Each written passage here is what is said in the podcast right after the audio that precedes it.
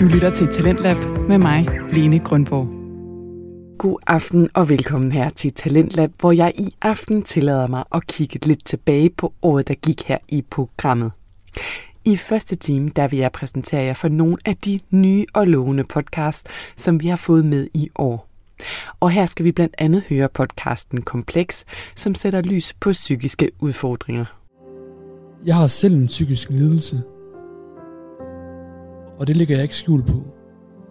Den påvirker mig rigtig meget i de dårlige perioder, og det har stået på i mange år efterhånden. Men jeg har med denne podcast fundet et rum, hvor jeg føler, at jeg kan bruge mine evner og min viden til noget godt. Og forhåbentlig kan andre få noget ud af at lytte til denne podcast. Det var en bid fra podcasten Kompleks, som du fik en smagsprøve på her. I anden time af programmet, der dykker jeg ned i nogle imponerende gennembrud. Vi har nemlig også haft podcast, der har imponeret og brudt gennem lydmuren på flere måder. Blandt andet podcasten Ufiltreret, som har fået ekstremt godt fat i de unge lyttere. Har du set øh, den der med Mads Mikkelsen? Den. Lige præcis. Hvad hedder den? Den hedder Retfærdigheden. Re- Retfærdighedens rytter. Wow. Rytter. Rytter. Rytter. Kan den I noget? flertal. Den kan sætte med noget. Meget mig film. Sindssygt god. Altså, klasse plat film. Du ved, det, altså, det er så... Der var mange, mange af scenerne. Jeg prøver virkelig at lade være at spoil her. Mm. Fordi jeg ved, at folk har nok ikke fået set så meget af den. Så mange har nok jeg ikke tænker, set du er en af de få. Jeg ved det ikke. Den har alligevel kørt lidt tid. Men den er så klasse plat, fordi der er en masse... Ligesom i alle andre af de her film, Grønne Slagter og hvad det end kan være, den minder meget Ja, det er sådan noget... genren. Ja, ja. At der, der er nogle, sådan nogle reelle emner, der faktisk er sådan lidt, åh, det burde være lidt sørgeligt her, og så kommer der bare sådan nogle smadret kommentarer. Ja, ja. ja. Så ej, den er virkelig, øh, den er virkelig god. Du lytter til Talentlab her på Radio 4 med mig, Lene Grundborg. Og her i første time af programmet, der kigger jeg så på nogle af vores nye lovende podcast.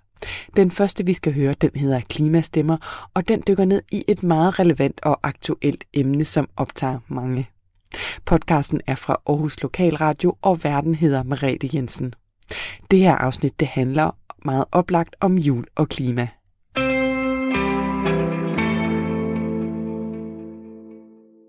Klimastemmer har til formål at præsentere det danske klimalandskab og de mennesker, der taler klimaets sag. Og vi har i dag fornøjelsen af at skulle tale med Lisbeth Tordendal, som er medforfatter af e-bogen Grøn og bæredygtig jul, og Jesper Tornbjerg, forfatter til børnebøgerne Victoria og verdensmålene. Men jeg vil gerne starte et andet og meget mere personligt sted. Julen for mig har altid været vigtig. Både da jeg var barn, blev ung og som voksen med små børn. Jeg, kan, jeg har altid synes, at julen kan noget magisk, og mest af alt betyder den for mig at være sammen med dem, jeg elsker allerhøjest, og forkæle dem, jeg elsker allermest. Før i tiden kunne jeg ikke give store og mange gaver nok. Jeg ville forkæle og sidestille det at forkæle med at give gaver. Klimaets tilstand har gjort en forskel for mig i forhold til det. Nu satser jeg på oplevelsesgaver, kreative gaver og genbrug. Ting, der i forvejen har en sjæl, og som kommer i nye, gode hænder, som jeg oplever at lige så stor glæde, som hvis det var nyt. Især mine børn på 4-6 år kunne næsten ikke være mere ligeglade, om gaven er ny eller genbrug. Der er klare julestjerner i deres øjne, blot de får én fin lille gave. Os voksne kunne nok godt lære noget af den der barnlige taknemmelighed. At være taknemmelig for, at man overhovedet får, en blot at ville have mere og mere og mere. Ja, julen er traditionernes tid, og for nogen noget, der er forbundet med mange vaner og vaner, som er svære at bryde. Men nu har jeg inviteret Lisbeth Tortendal med i programmet, og vi har dig med i telefonen fra Sjælland. Velkommen til, Lisbeth. Tak skal du have. Tak. Du har jo en masse erfaringer med, hvordan man kan afholde en super fed jul, samtidig med, at man er bæredygtig og passer på vores klima. Øh, kan du ikke starte ud med at fortælle lidt om, hvem du er, og hvorfor du skrev den her bog, Grøn og bæredygtig jul? Jo, det kan jeg. Øhm, ja, altså, siden jeg var helt ung, øh, jeg er blevet 60 år i år, så det vil sige i fire årtier, der har jeg faktisk været optaget af, hvordan de valg, vi øh, træffer hver især, hvordan de påvirker vores, øh, både vores individuelle trivsel og sundhed, men også hvordan de påvirker vores omgivelser. Hvilket aftryk vi, vi sætter i verden, når vi lever. Jeg har, jeg har faktisk haft fokus på, hvordan vi kan leve et, et godt og, øh, og meningsfuldt liv med både dyb respekt for alle de fine balancer, der er inde i os selv, men også i naturen, som jo er vores øh, livsgrundlag. Øhm, professionelt der har jeg faktisk arbejdet med holistisk sundhed i hele mit liv. Det har jeg gjort dels som øh, kogebogsforfatter øh, til bøger, der omhandler grøn mad. Øh, det er blevet til fem trygte bøger. Den første udkom i 1990, og den seneste er, er øh, bogen Kål og Kærlighed. Jeg har også lavet flere e-bøger, blandt andet denne her, Grøn og Bæredygtig Jul. Øhm, jeg underviser, holder foredragsholder, og så øh, er jeg derudover også privat privatpraktiserende biopat og holistisk kost- og livsstilsvejleder. Så man kan sige, at jeg arbejder med bæredygtighed på sige, både det lille plan, altså i os enkelte mennesker, og så på det store plan, øh, natur, miljø og, og klima. Og hvorfor er det, du synes, det er vigtigt, at vi skal passe øh, på vores klima? Jamen det synes jeg er, er indlysende for, øh, for os alle sammen i, i de her år. Uh, og det er jo fordi, at, at den her klode, den er vores livsgrundlag. Det er, uh, det er fuldstændig afgørende for, for os som mennesker, at, at det ikke går, går fuldstændig i smadre. Øhm, og man kan sige, at kloden den skal som en, nok finde en vej og bestå, men hvis vi, vil, hvis vi gerne vil, vil øh, skabe nogle, øh, et livsgrundlag, hvis vi gerne vil have, at der skal være et livsgrundlag for, for øh, vores øh, børnebørn og kommende generationer, så er det, at vi er nødt til at lave nogle ting, gøre nogle ting på, på nye måder, finde nogle andre veje og, øh, øh, og indrette øh, vores liv på, øh, på nogle andre måder, end, øh, end vi har været vant til at gøre hvor, hvor det ligesom har handlet rigtig meget om øh, overforbrug og, øh, og ikke særlig øh, bredt tænkende helhedsperspektiv og, øh, og så videre. Men nu i forhold til den her grøn og bæredygtig jul, som I har skrevet, øh, mm. hvad er det lige, øh, bogens budskab er? Jamen, bogens budskab er egentlig, altså jeg jeg lavede faktisk bogen, vi lavede bogen først og fremmest som en invitation, kan man sige, til at kigge juletraditionerne efter i sømmene. Og, og for at vise, hvordan de kan gøres mere grønne, mere bæredygtige, sådan at de passer bedre til den tid, vi lever i, og den, den øh, grønne dagsorden. Det har jeg sådan set selv forsøgt efter bedste evne i hele mit voksenliv, og så har jeg selvfølgelig samlet en masse idéer og gode råd igennem årene, og vil rigtig gerne inspirere til, at vi alle sammen bruger en stund på at tænke over, hvilke af de øh, gamle julevaner og traditioner, som vi egentlig ønsker at videreføre. Du indledte så fint i, øh, i indledningen med at fortælle om, hvordan julen altid har været noget magisk for dig, og det kan vi godt bevare, det magiske element, øh, selvom vi gør nogle ting på nogle nye måder, som er mere, bedre i samklang med, med de øh, øh, inderste værdier, vi i virkeligheden har.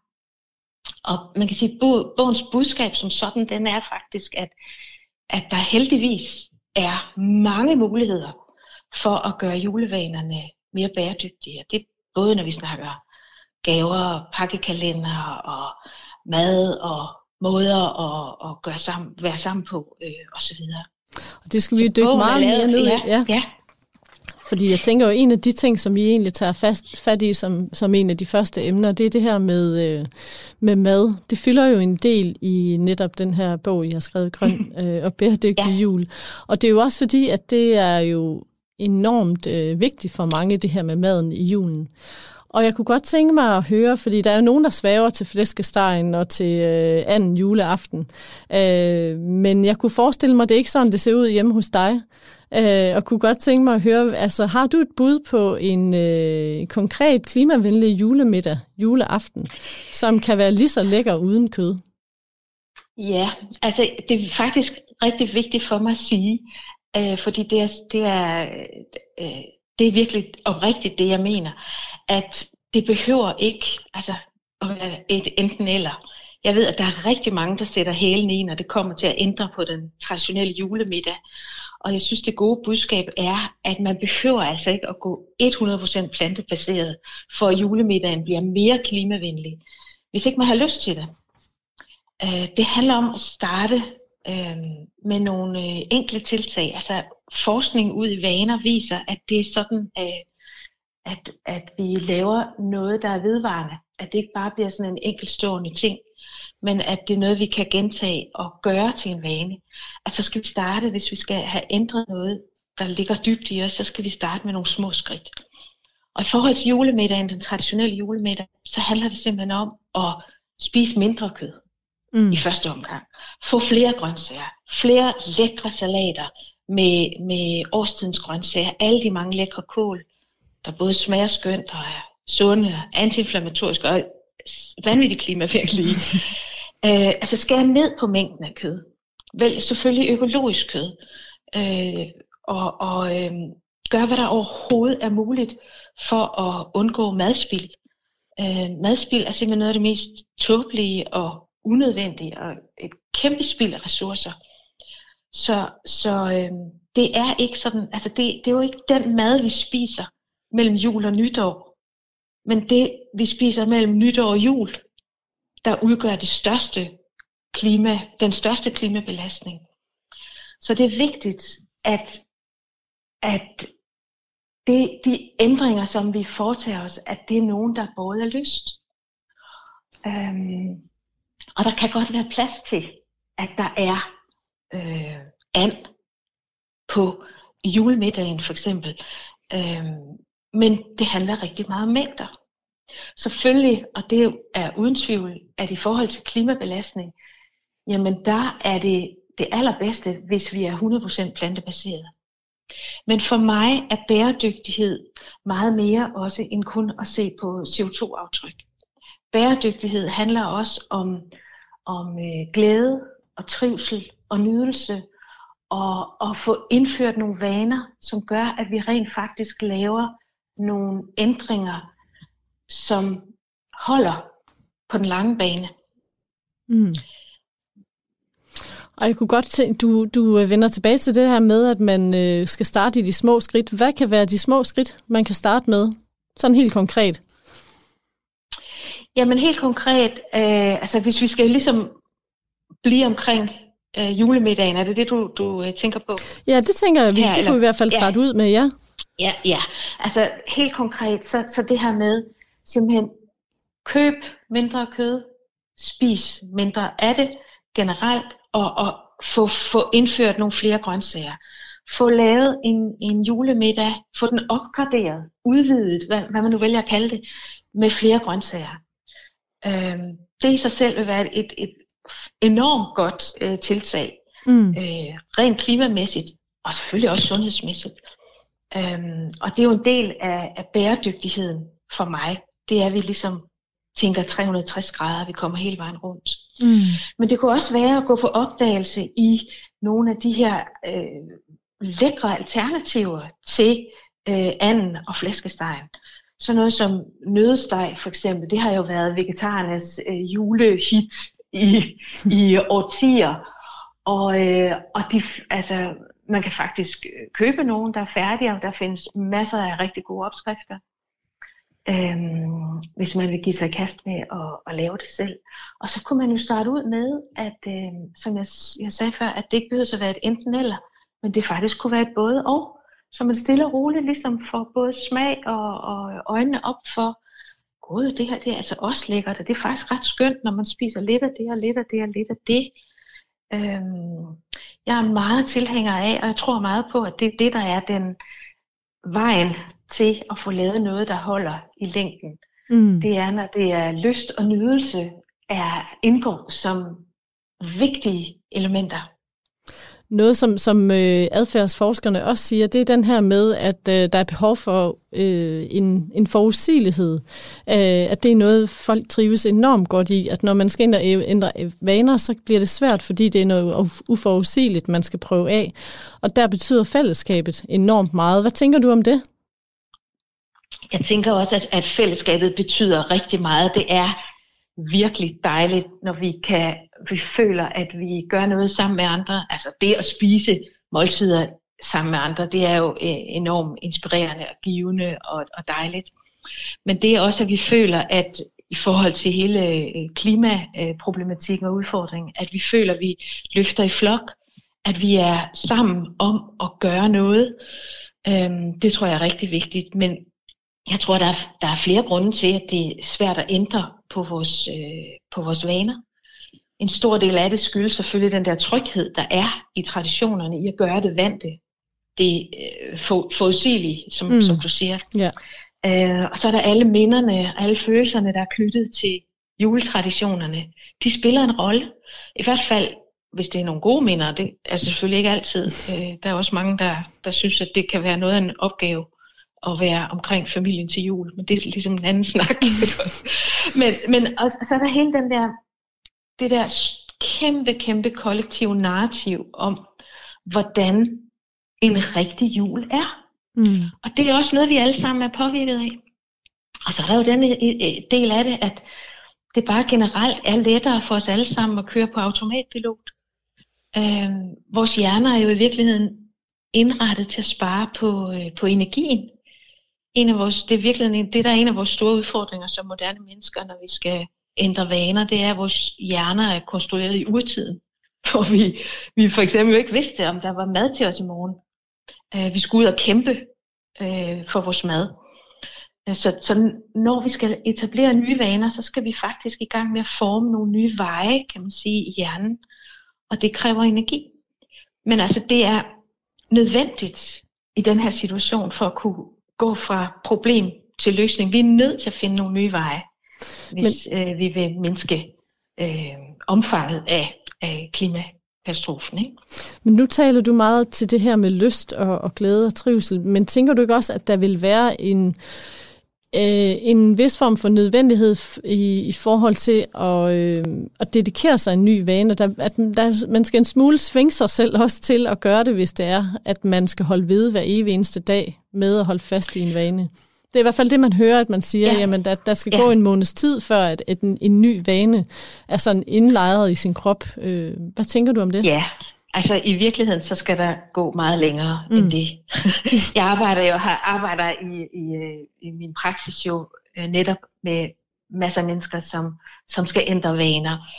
Og, og noget af det, som er helt afgørende, du har ret i, at det kræver ligesom en, en intellektuel bevidst beslutning det her vil jeg gerne.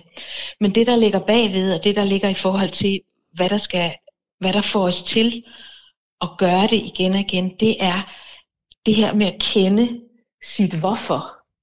Sit hvorfor hvad for noget? Er det, det sit hvorfor. Nå, sit hvorfor, ja. Ja, hvorfor er det det her? Hvorfor er det, jeg gerne vil ændre vaner? Hvorfor er det, det er vigtigt for mig? Hvad giver det mig, når jeg ændrer vaner? Hvorfor er det, jeg gerne vil have nogle mere bæredygtige julevaner? Og så, så gå ind i det, og der kan svaret jo være mange forskellige. Det er fordi, jeg gerne vil bidrage positivt til at mindske forbruget og mindske CO2.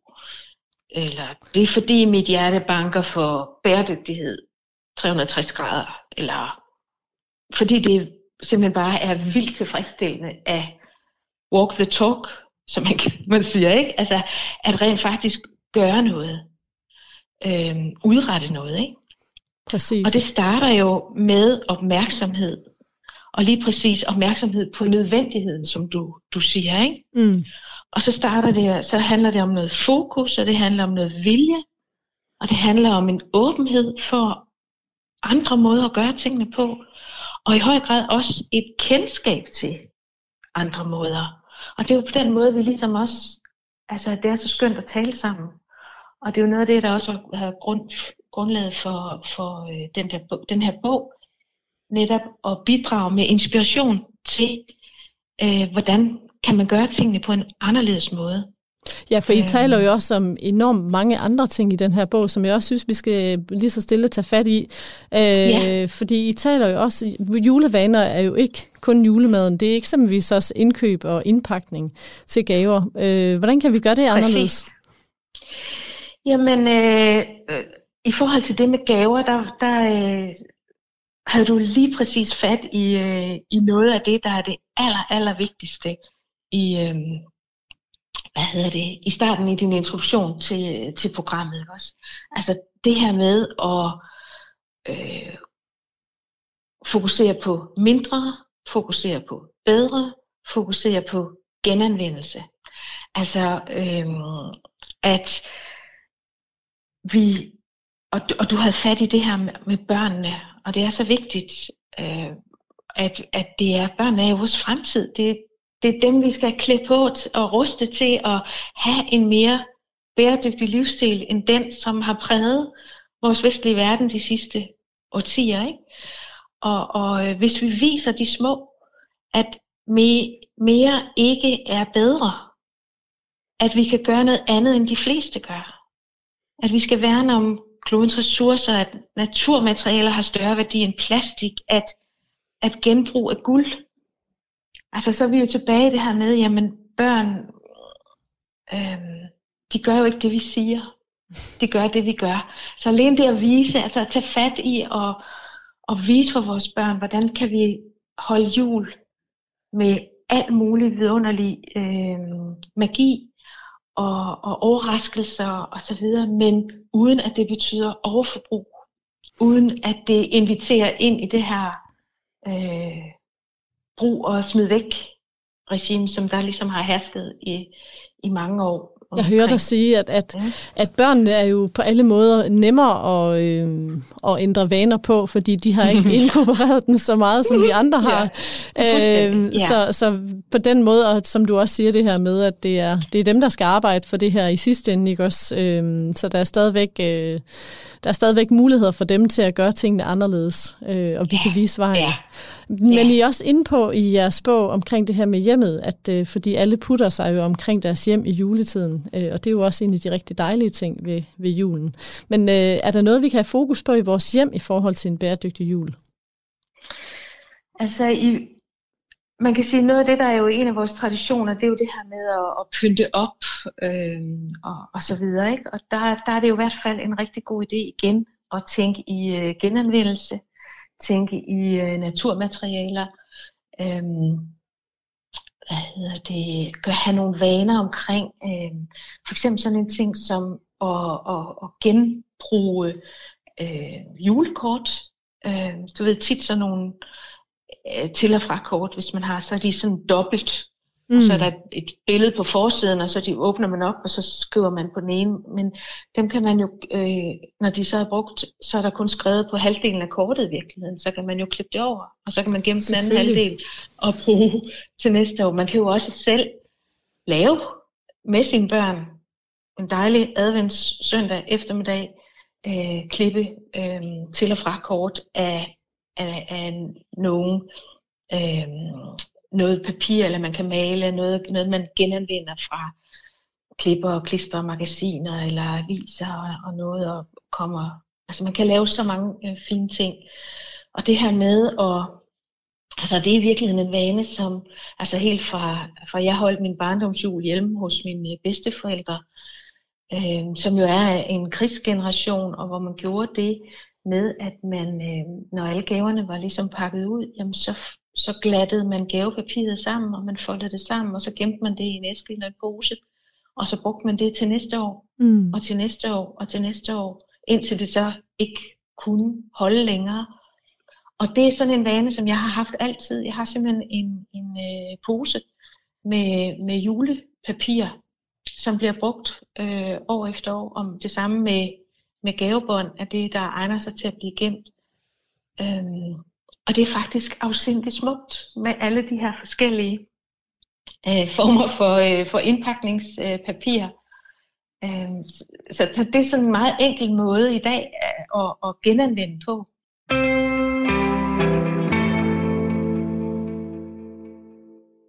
Det var en bid af podcasten Klimastemmer med vært Marete Jensen, som i dag satte fokus på jul og klima.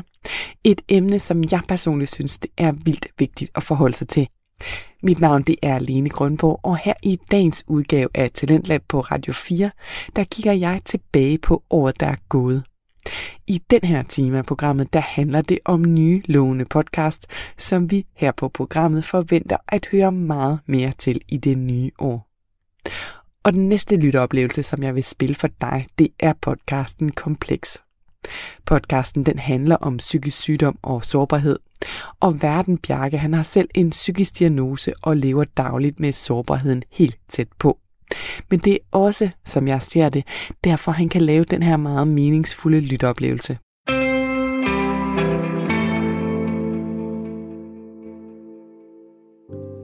Velkommen til podcasten Kompleks. Jeg hedder Bjarke, og jeg er jeres vært. Kompleks handler om psykisk sygdom og sårbarheden i samfundet. Målet er at skabe opmærksomhed om psykisk sygdom og nuancere billedet af os ramte. Jeg har selv en psykisk lidelse, og det ligger jeg ikke skjul på. Den påvirker mig rigtig meget i de dårlige perioder, og det har stået på i mange år efterhånden. Men jeg har med denne podcast fundet et rum, hvor jeg føler, at jeg kan bruge mine evner og min viden til noget godt. Og forhåbentlig kan andre få noget ud af at lytte til denne podcast. Kompleks kan findes nu i Apples podcast-app og på Spotify. Og kan du lide, hvad du hører, må du meget gerne abonnere og give podcasten det antal stjerner, du synes, den er værd. For det hjælper podcasten med at den ud til endnu flere lyttere. Jeg har i de tidligere episoder sagt, at jeg løbende vil snakke med relevante personer inden for emnet sårbarhed, inden for emnerne sårbarhed, psykiatri og psykisk sygdom. Og i denne femte episode interviewer jeg podcastens første gæst. Gæsten hedder Liselotte Blikst, og hun er psykiatriordfører for Dansk Folkeparti i Folketinget. Hun er uddannet social- og sundhedsassistent og har siddet i Folketinget i 13 år. Liselotte er ofte i medierne, hvor hun kommenterer på sundhedspolitik, herunder områder, der vedrører det offentlige i forhold til behandling af psykisk sygdom. Vores snak varede lige omkring en lille halv time, og foregik digitalt over et program, som hedder Zoom, så vi holdt god afstand i disse tider. Jeg synes selv, at lydkvaliteten er helt udmærket, og et par enkelte gange kan man høre et ekko på Liselottes stemme, hvilket jeg ikke lige har nogen forklaring på. I interviewet snakker vi om alt fra uddannelse, psykiatri, økonomi og håb for fremtiden. Alt sammen under det samlede emne psykisk sårbarhed i samfundet. Så nu er der ikke så meget andet tilbage end at sætte interviewet i gang. Her kommer min snak med Liselot Blikst. Så tak fordi du vil være med. Men altså, jeg er glad for at være din øh, første person, som du interviewer til det. Så jeg er sikker på, at det skal gå godt.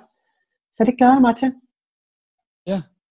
Jamen, øh, jeg har forberedt øh, nogle spørgsmål, øh, som ja. handler lidt om lidt forskelligt inden for ligesom overemnet psykisk sygdom mm. og sårbarhed i samfundet og sådan. Ja.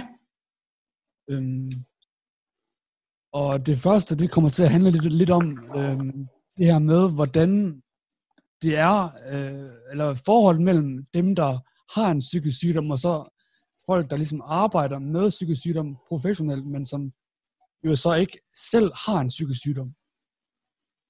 Så jeg kan prøve at stille det første spørgsmål her. Ja. Øhm, tror du, at mennesker, der ikke selv har en psykisk sygdom, sådan nogensinde helt vil kunne forstå, hvad det vil sige at leve med en psykisk sygdom? Jamen, jeg tror aldrig, man 100% kan vide, hvordan det er. Men øh, man kan blive undervist, og, og der kan man netop også tage imod råd fra nogle af dem, der har en, en psykisk sygdom. Øh, jeg er selv en af dem, der har været uddannet som social- og sundhedsassistent, og jeg har arbejdet på psykiatrisk afdeling. Jeg har rigtig mange venner med psykisk sygdom. Jeg har familiemedlemmer med psykiatriske sygdomme. Så på den måde har man kendskab til det, men at vide 100% hvordan det er selv, det kan man ikke, medmindre man selv har været der. Men øh, man kan se nogle andre ting. Ja, og det, det gør det selvfølgelig også sværere, at, at alle, der har en, en sårbarhed og psykisk sygdom, ligesom oplever det forskelligt, så det, det gør det vel også sværere ligesom at opnå den der forståelse, tænker jeg. Mm. Du vil aldrig kunne nå en 100% forståelse. Alle, mine, øh, alle dem, jeg kender, de er forskellige på hver deres måde, og skal behandles forskelligt. Øh, og det er der, jeg tror, at øh, vigtigheden i i forhold til, når man behandler øh, folk, så skal vi kigge på det hele menneske, og ikke kun på sygdommen. Øh, mange gange så kunne man ønske, at det ikke var diagnosen, der stod først, men det var mennesket, man kiggede på og fik kigge hele vejen rundt, altså både på øh, opvækstbetingelser, sociale forhold, økonomi øh, og alle mulige andre ting, som mange gange kan være med til enten at gøre en sygdom bedre eller værre. Ja, og du har været lidt inde på det, men sådan, hvad gør du selv for at få mere indsigt i, øh, mm. hvordan det ligesom er at leve med det her, og hvordan, hvad gør du for at blive klogere på det? Åh, oh, jamen altså, jeg går til rigtig mange møder med folk. Øh, jeg holder møde med alle, uanset om det er folk, der har været på, på, på den lukkede afdeling og har været spærret inde med tvang i rigtig mange år. Jeg øh, tager med til øh, møder, hvor, hvor det kan være det kan stemmenetværket. stemmenetværket. Nu, nu er der ekko igen. Nu er der ekko igen. Nå, er det stadigvæk? Ja, det kom lige. Ja, det kom lige. Nå, det var da mærkeligt. Øh, øh... Ja, det var væk. Det er fint nu. Men øh, for eksempel stemmenetværket, øh, som jeg aldrig havde hørt om, øh, hvordan det var at høre stemmer, og hvordan man arbejdede med det, synes jeg var utrolig interessant, og noget, som meget få kender til. Hvordan er det at være øh, paranoid skizofren og høre stemmer? Hvordan kan man lære at leve med det, frem for at man bliver medicineret? Øh, det er bare sådan en af de ting, hvor jeg siger, jamen øh, lad os øh, mødes med de mennesker, der faktisk ved noget om det, så de kan fortælle lidt om det. Og, og de sætter ind, ind i, at, øh, at det ikke er så mærkeligt endda. Altså, jeg plejer at sige, at øh, jeg er den mest unormale hjemme hos os, når jeg inviterer venner og bekendte, fordi jeg er nok den eneste, der ikke har en diagnose. Så, så spørgsmålet er, er det mig, der er normal, eller, eller mig, der er unormal i den sammenhæng? Ja. Og det kan jo lige så godt være, at det er, fordi man ikke har fået nogen diagnose. Øh, og, og, og det er der, hvor vi nok har alle sammen øh, en snært af et eller andet. Øh, vi kan jo godt opleve øh, det her skift med, at man den ene dag kan være rigtig trist, og synes det hele er ikke noget værd at leve for, mens man en anden dag lige pludselig føler, at man, man er den lykkeligste menneske på jorden.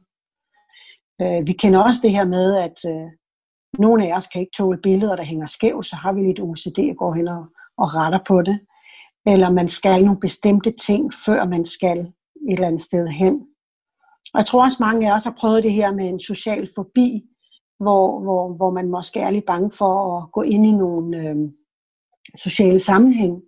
Så, så, så nu, jeg har da prøvet mange af de her ting, hvor man, man har en snært af det, og så skal man så måske en gang imellem doble det med, med 100 eller mere, og så tænke på, at det er nogle mennesker, der lever med det hver eneste dag.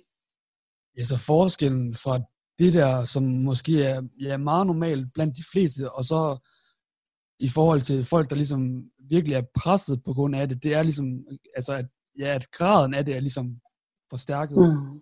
Ja, netop. Ja. Man skal gange det, som jeg siger, man skal nok gange det med en 100, og når vi oplever det, altså når jeg oplever det, så er det måske 5 uh, minutter.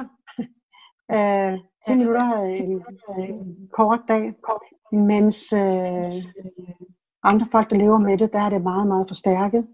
Altså jeg har en veninde selv, som øh, da hun var øh, længst ude, altså der, der ringede hun jo også til mig fra, fra skadestuen og ville ikke leve mere. Øh, men når, når jeg besøgte hende, så, øh, så kunne man se, at hun ikke kunne overkomme og, og, og gøre noget ved sit hjem og have svært ved at komme ud af døren, fordi hun fik noget social angst.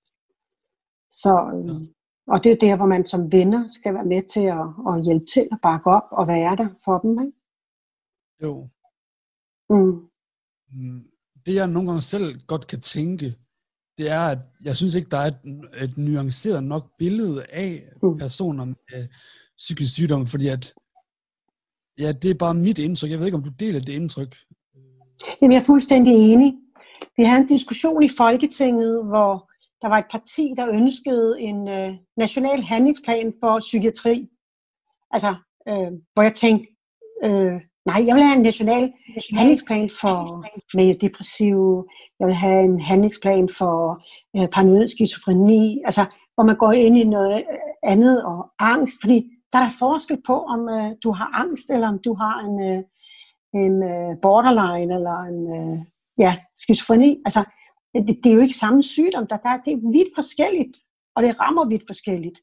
Nogen kan leve med det, gå på arbejde, have familie, mens andre, de er syge og kan ikke rigtig komme ud. Altså, så, så det er så vidt forskelligt, og behandlingerne er også, det skal også være forskelligt. Ja, altså, jeg har jo selv, jeg kan ikke huske, om jeg skrev det til dig, men jeg har jo studeret et år på Journalisthøjskolen.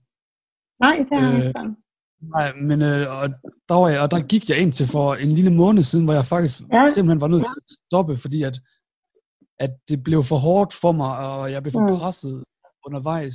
Ellers så var jeg rigtig glad for studiet. Ja, Øhm, men det, vil jeg, det, jeg gerne lige vil spørge dig ind til nu, det er noget i forhold til uddannelse. ja, Fordi at det er jo sådan, at der faktisk er markant færre unge med psykisk sygdom, der er i gang med en uddannelse og, bes, altså, og beskæftigelse, sammenlignet med resten af de unge. Mm. Og er der, sådan, er der plads til unge med psykiske lidelser i det uddannelsessystem, vi har i dag, og især på de Mm. videregående uddannelser? man er, man er ikke god nok til at tage unge med diagnoser ind. Man kan jo sige, at man har et handicap, og på samme måde som man har et handicap fysisk, så har man det bare psykisk. Og derfor skal man også kunne nedsætte øh, sin studietid, øh, sådan så man øh, forlænger forløbet eventuelt. Har nogle andre præmisser, nogle hjælpemidler. Præcis som hvis du kom og var blind, eller du var øh, hvad hedder det, bevægelseshæmmet, altså kom i kørestol. Så er der nogle ting, og problemet er, at man, når det er psykisk, så kan folk ikke se det. Nej. Og hvis folk ikke har haft noget med psykiatrien at gøre, så er det rigtig svært for dem at forstå, hvad det her handler om. De ser Ja. kun overskrifter, når det er, det er voldelige episoder, og så, så tror man, at jamen, når, når du er der, så skal du bare bag låse og slå, og færdig med det. Agtigt. Øh, og man mangler at sige, jamen, øh, det er no, noget af det, som vi i Dansk Folkeparti har gået meget op i, det er at lave specielle uddannelsesforløb. Vi har været meget fortaler for alle de her øh, STU og øh, øh, særligt til rettelagt uddannelse, hvor man tager, tager udgangspunkt i den enkelte. Øh, desværre bliver det også meget udskrevet til, at det er kun for en, en slags. Nej, det er for mennesker, unge mennesker, der har brug for en særligt tilrettelagt uddannelse. Og jeg har mødt mange af dem her, der har taget en uddannelse, som, som har svært ved at være sammen med andre mennesker, men som, hvor deres behov bliver tilgodeset. Øh, og som faktisk har fået en uddannelse øh, for, på, på deres øh, måde, og også fået et arbejde. Jeg har mødt øh, autismegruppen, øh, hvor, hvor man uddannede øh, øh, unge med autisme, og på samme måde er det jo, når man har alt efter, øh, hvilke behov og hvad for udfordringer man har, så skal man tilrettelægge uddannelse og arbejde, og så kan man faktisk få nogle fantastisk gode medarbejdere. Ja, og nu snakker du om de her, hvad kan man kalde dem, altså STU og, og FGU og sådan, altså sådan nogle lidt særlige uddannelser, men hvad gør man Mm. med de unge med psykiske lidelser, som faktisk er, er, går på videregående uddannelser? Altså hvad kan man gøre på de almindelige videregående uddannelser, som for eksempel en journalistuddannelse? Hvad kan man gøre der, for at... Men det er der, hvor, hvor man, man, altså som handicappet normalt, så kan du jo komme på særlige forhold, hvor du får øh, ændret din, øh, din uddannelse. Altså går du gymnasiet, tager du universitetet og andre ting, så er det nogle øh, bestemmelser til, at du kan få øh, dit øh, forløb lavet på en speciel måde. Øh, så, så det skal man selvfølgelig også kunne på en journalistuddannelse. Det er da klart, øh, Jamen, jeg kan- at man kan lære det. Det, der ligesom udfordrede mig, det var, ja, altså jeg tror, det ville have kunne hjælpe mig, eller det ville hjælpe, have hjulpet mig, hvis at jeg kunne have taget uddannelsen over nogle flere år, og det kan man sige, det Mm, gjorde jeg netop. egentlig, var der, fordi jeg holdt noget overlov i nogle perioder. Ja. Men den, i hvert fald på den uddannelse, og det er den, jeg kender til, der var det ikke muligt, Nå, at okay. ligesom- Jamen, det er jo det, der bør være muligt i hvert fald. det var ikke muligt at tage den over Mm. for eksempel fem år, i stedet for på normeret tid. Fordi at Mm. fagene, de hang ligesom sammen, og der var en særlig sammenhæng. Så jeg, Mm. så jeg kender selvfølgelig ikke til alle andre videregående uddannelser, men lige på journalistuddannelsen i Aarhus, Mm. hvor jeg gik, der var det ikke muligt ligesom at, at for eksempel tage den over fem år, altså jo, altså man, inklusive overlov kunne det godt lade sig gøre, men ikke, mens man Ja. ligesom var aktiv. Men altså, nu, nu kender jeg jo ikke alle uddannelser, men jeg kan Nej. kun sige, hvad jeg mener, man skal, øh, Ja. hvad, der, hvad der skal være behov for. Og nogle af de ting, vi har arbejdet med, Øh, men, men øh, det er jo at tage øh, en ting ad gangen og øh, finde ud af, hvordan vi kan løfte området. Ikke? Jo. Så vil jeg gerne spørge dig ind til, øh, sådan overordnet set, hvorfor, altså sådan kan det i hvert fald virke til, altså her, her Mm. fra hvor jeg sidder, og for andre, altså hvorfor prioriteres psykisk sygdom ikke lige så højt som de somatiske sygdomme økonomisk set? Fordi, Mm. når man kigger på alle de her tal i forhold til, hvor meget, hvor mange der er berørt, og hvor, hvor skadeligt det er også for la- landets økonomi og sådan, altså hvorfor prioriteres det så ikke lige så højt økonomisk set som alle Ja, altså jeg vil, og der igen, der skal man passe på med at generalisere. Jeg vil ikke sige, at det er fordi det ikke, at hvis man måler det af somatisk sygdom. Jeg kender rigtig mange somatiske sygdomme, som man heller ikke prioriterer. Jeg vil hellere Overordnet. sige, at der er nogen somatiske sygdomme, som man prioriterer rigtig højt, og der får øh, øh, kraftpakker for eksempel. Og det er jo Øh, de sygdomme, hvor man ser folk lide og dø, det er nok det, der gør, gør indtrykket. Og det ser du ikke øh, på samme måde med folk med psykiatrisk sygdomme, eller hvis du har øh, stærk knoglesygdomme, øh, øh, som også gør dig bevægelsesforhindret. Altså, øh, igen der, der skal man passe på at, at, at er generalisere, fordi jeg, jeg arbejder for, at vi får flere penge til psykisk sygdom, men jeg arbejder også for sjældne diagnoser, som også bliver glemt i, i hele forløbet på sundhedsvæsenet. Øhm, de, de bliver også glemt, fordi det er små diagnoser. Øh, Så derfor så vil jeg ikke helt sige, at alle somatiske sygdomme de får bare penge. Der er nogle somatiske sygdomme, der får rigtig meget hjælp, øh, mens der er noget, der bliver glemt. Og det er ikke godt nok. Nej, så hvis vi for eksempel kigger på den gennemsnitlige kraftpatient mm. i forhold til den, lange, den langvarigt psykisk syge, Mm. så altså ifølge etisk råd i 2018, så Mm. bruger man tre gange så mange penge på kraftpatienten som på den langvarigt psykisk syge. Men jeg er fuldstændig enig, og jeg var også enig med etisk grund, at øh, man skal se på, hvordan man kan løfte området. Og det er også grunden til, at vi hele tiden snakker om den her 10-årsplan. Og jeg var faktisk en af de første, der startede med at sige, at vi skal have en 10-årsplan. Jeg er også villig til at sige 15-årsplan, for jeg ved, at man når ikke ret meget, når man planlægger. Og hvis vi skal planlægge en plan på psykiatrien, så skal vi netop tage hele området med. Det skal gælde fra vugge til grav, og det skal gå ind over både social- og beskæftigelsesministerierne. Øh, fordi det hele hænger sammen, og det gør det ikke i dag. Altså, øhm, jeg, en af mine venner, som jeg siger, det bedste, der har gjort for mig, det er, at jeg kom i arbejde, fordi så har jeg struktureret hverdag. Så vidste jeg, hvad jeg stod op til, hvad jeg skulle. Når jeg gik derhjemme, blev jeg bare mere og mere syg, fordi jeg gik og havde ondt af mig selv. Øhm, jeg siger ikke, at arbejde er godt for alle, men jeg siger bare, det at føle, at man er en del af et samfund og være med øh, til at løfte nogle områder, til at være der, til at arbejde. Og så lige meget, om det er et par timer om ugen, eller om dagen, eller hvor meget det er. Så det er vigtigt, at det hænger sammen, så man både kan fungere socialt, sammen med mennesker på en arbejdsplads, at man har noget at stå op til, og samtidig føle, at man er en del af, af samfundet. Det mener jeg betyder rigtig meget, og det skal altså inkorporeres i en øh, psykiatrihandlingsplan, og så skal vi være villige til at sige, altså jeg foreslog 500 millioner om året, stigende. Og så er der nogen, der siger, mm, 5 million, 500 millioner, det er jo ikke meget. Nej, men hvis vi skal være realistiske, så bliver vi også nødt til at sige, at hvis vi nu lader det stige 500 hvert år i stigende, så er det på 10 år 5 milliarder ekstra Ja. til en plan om, hvordan man løfter det. Og jeg, når jeg kigger på, at jeg har været øh, psykiatriordfører i øh, 13 år i Folketinget, og ser, hvor meget der er sket der, så er det sgu, nej undskyld, blander jeg, så er det gået mere ned ad bakke, end det er gået frem, og det er uanset hvilken regering, der er siddet. Øh, jeg synes, vi har givet penge til regionerne, hvor regionerne så har taget dem ud et andet sted. Altså, vi gav penge til sengepladser, men der kom ikke flere senge.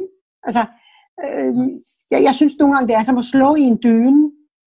Og det er derfor, vi bliver nødt til at have en plan, hvor vi siger, hvordan løfter vi området?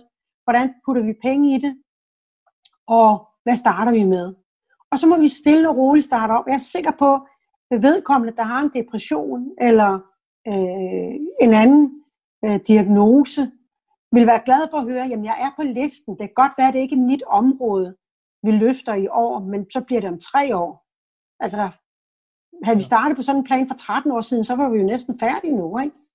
Jo, Og det er det, jeg vil, men jeg har så også sagt til øh, regeringen, hvis de kommer med en plan, der kun løfter halvvejs, så vil vi ikke være med. Det er enten eller.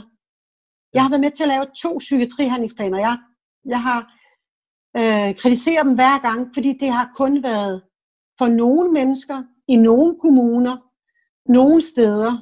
Øh, så, så, så det er ikke godt nok. Vi skal have en plan, der rækker ud hele vejen i alle kommuner. Og det gør vi kun ved at, at starte og se, hvordan får vi fat i. Altså jeg startede med at sige, så fik vi penge til sundhedsplejersker, der faktisk var med til at screene øh, øh, forældre med spædbørn, for at se, er der noget, vi kan hjælpe dem med. Så gik jeg ind og var med til, at vi løftede øh, PPR-området, altså pædagogisk psykologisk rådgivning i kommunerne. Der har vi psykologer, som er uddannet, som faktisk godt kan behandle. Hvorfor får det ikke lov? Hvorfor sikrer vi ikke, at man man kan behandle, når man kan se, at der er udfordringer, i stedet for at vente til man har en diagnose. Så først stå i kø med en henvisning, øh, og så komme på en psykiatrisk afdeling og blive undersøgt, og så skal du have en diagnose. Det kunne måske være sparet, altså man har evidens for, at hvis et barn begynder at få angst, lad os sige 3. 4. klasse, det kan være, at forældrene bliver skilt, eller der er nogle andre ting, der sker, så øh, er der en gavnlig effekt i, at man får psykologhjælp fra start af, fordi hvis man lærer en med angst gå videre, uden der sker noget, så risikerer man, at der kommer andre psykiatriske diagnoser. Og så ender man måske at være resten af sit liv i psykiatrien. Så vi skal bremse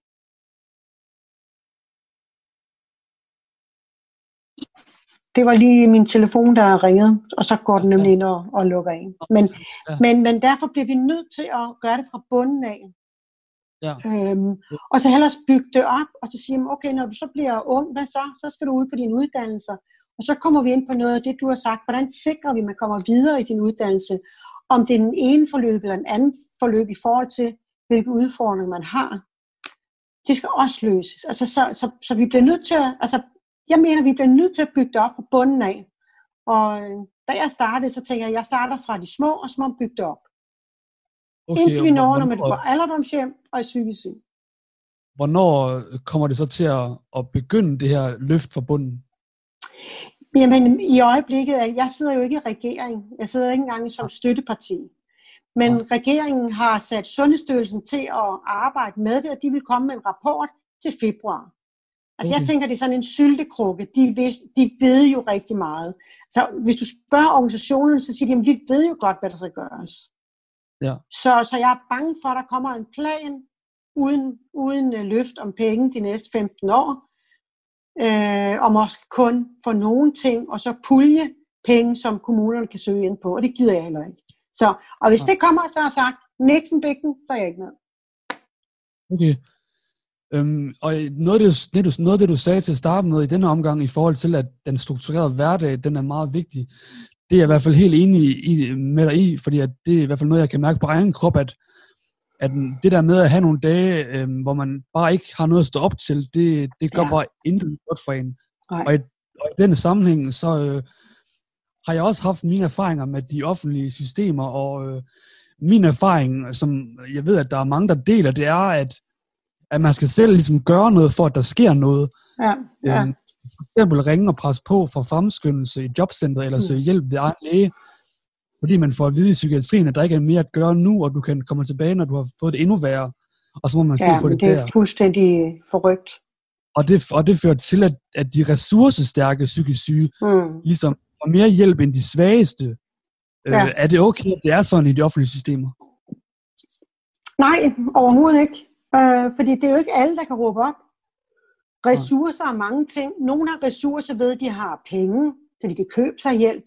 Andre har ressourcer ved, at de har nogle øh, pårørende, der kan råbe op. Andre har ressourcer ved, at de har sundhedspersoner i deres netværk. Og så er der nogen, der ikke har nogen af de tre ting. Ja. Og de falder igennem, og de får ikke hjælp. Og det er netop der, vi skal sikre og løfte hele vejen rundt. Det er også derfor, det er vigtigt, at det er alle kommuner, der har en hjælp. Og det er alle lærere og pædagoger, der kan se, når der er nogen, der har brug for at få den hjælp, der er vigtig. Og at man kan hjælpe kommunen, inden det går galt. Eller i kommunen, altså psykologerne øh, kan se det. Øh, og hvis man er syg, så skal man selvfølgelig ikke, altså det er jo ikke en stor behandling, så skal man selvfølgelig have en udredning. hvis det er, at det er vigtigt at få en anden slags behandling eller noget medicin. Øh, så, så der er mange ting, der skal gøres. Men jeg tror på, at vi kiggede på det enkelte menneske og sikrede, at, øh, at vi tog hånd om den enkelte, så ville vi ikke have brug for alle de psykiatripladser i dag. Ja, Jeg tror på, at hvis vi virkelig ude i kommunen var, fik, også fik penge til at kunne hjælpe og sikre, at den enkelte fik de her forskellige mål og hjælp, så vil du ikke blive så syg, så du har brug for en indlæggelse. Det er meget den tidlige indsats, der er meget vigtig. Ja. Det, det kan jeg også selv huske, at, Ja. at jeg gik i hvert fald i alt for mange år, hvor jeg fik det værre og værre, men hvor jeg ikke rigtig, og altså, jeg ved ikke, hvem skyld det er, om det er min egen skyld, det ved jeg ikke, men jeg gik i hvert fald ikke skridtet videre og søgte hjælp, før det nærmest var for sent, og man nok ikke ja. kunne nå at genopbygge det, der var tabt. Sådan ser jeg i hvert fald selv på Ja. det. Jeg er helt enig. Øh, og det er der, vi skal være bedre til, at både lærere og pædagoger kan se. Altså, nogle af dem, de ved det jo godt. De siger, "Men vi kan da godt pege ud, hvem det er, eller sådan noget, fordi det er den meget... Ja. Altså, nogle gange, så dem, man lægger mest mærke til, det er dem, der laver ballade. Det er, Ja. som man siger, dem, der hænger... Var, var du en af dem, der lavede ballade? Ja, nej, faktisk ikke. Altså, Nej, jeg tror netop. faktisk overhovedet ikke, at man kunne have, men jeg tror ikke, man kunne se det på mig, altså, Nej. for at være helt ærlig. Men, men det er netop dem, man glemmer. Det er, dem, det er de stille børn. Det er dem, der Ja, sådan forsvinder. Heller ikke, jeg, var heller, altså. ikke- jeg var heller ikke stille, faktisk. Jeg var ganske almindelig. Ja. Men, men, men øh, det er øh, som regel sådan, at dem vi kalder øh, ADHD-drengene, der hænger i gardinerne og fuld knald på, og dem opdager man. Ja, Men de andre opdager man ikke. Nej. Så det skal man være bedre til, men vi skal også være bedre til at snakke om det. Altså i skolen, tage det op med eleverne og fortælle, hvis man har det dårligt, hvordan, hvor kan man henvende sig, hvad kan man gøre. Altså vi taler jo for lidt om det, og der er mange, der er flove over at sige, at de er psykisk syge, ikke? Jo. Eller at deres mor eller far er psykisk syg. Altså, det, det bryder de sig heller ikke om. Så holder de i stedet for mund, og så bliver det sådan et tabuemne. Ja, jeg har i hvert fald altid gået meget op i, at, at det ikke skal være skjult. Altså, jeg, jeg går heller ikke og råber op omkring det. For eksempel, da jeg var studerende, altså, der var det de færreste, der havde spurgt ind til noget, eller vidste, at jeg havde en Mm. psykisk sygdom. Men hvis jeg bliver spurgt, så er jeg åben omkring det, og med den her Ja. podcast forsøger jeg jo også at, at være åben, og jeg har også været åben i andre sammenhæng tidligere. Ja, Men, Det er men hvad vigtigt. synes du? Ja, det synes jeg nemlig også, der. Men hvad synes du sådan generelt om mediernes dækning af psykisk sygdom? Men jeg synes jo, at det meste, man øh, har dækket, det er, øh, det er, når vi har nogle øh, voldsomme overfald Ja. i psykiatrien. Og de, de udsendelser, der har været øh, om, øh, man skulle gætte, hvem der var psykisk syg, og, og man fik øh, lært, det var nogle penge, vi har givet fra satspuljen. Og der, har- der er sådan, skal det virkelig være, kun når Folketinget giver penge til det, at man fra tv-selskaberne vil lave udsendelser om psykisk syge. Og det er kun, når man laver overfald, at øh, medierne vil, vil lave det for sig selv, altså uden at vi giver penge. Og det synes jeg er trist. Det kunne måske have noget at gøre med, at selvom at der er en voksende andel af befolkningen, der ligesom får berøring med det, at, at det er svært at forstå, og derfor også svært at sælge over for folk, der måske ikke selv kommer i berøring med det lige sådan, eller har været i berøring med det. Jamen, jeg tror også, mange de vil helst øh, glemme det. Øh, lad være med at tænke over det, selvom de har det i familien eller Så det er jo noget. nok Ikke? vigtigt. Ja, ja. Ja. Altså, jeg er jo Ja. meget åben om det, men der er også nogen, når jeg møder nogen her i kommunen, så mener de også, at jeg måske skulle tænke lidt mindre på de psykisk syge, og så tænke lidt mere på de ældre, eller sådan et eller andet. Jo. Øh, men men øh, det er jo fordi, jeg gik på et tidspunkt gik jeg til valg på, at vi skulle have en kommunal psykiatrihandlingsplan. Ja. Fordi når jeg nu ikke kunne få løftet det hele i øh, Folketinget, så kunne jeg i det mindste prøve at gøre det i min egen kommune. Og Ja. der har jeg gjort ved at sige, at vi skal have en øh, handlingsplan i psykiatrien, øh, i kommunen, hvor vi sikrer, at vi tager hånd om alle sammen. Og det er et stort arbejde, men vi har, altså jeg har fået det sådan, så nu hører jeg i andre kommuner, siger man, at man kigger til Greve, fordi vi har en øh, god måde at håndtere psykisk syge på. ja, okay. Så noget må jeg have fået ud af det. Ja, det lyder jeg da til. Mm.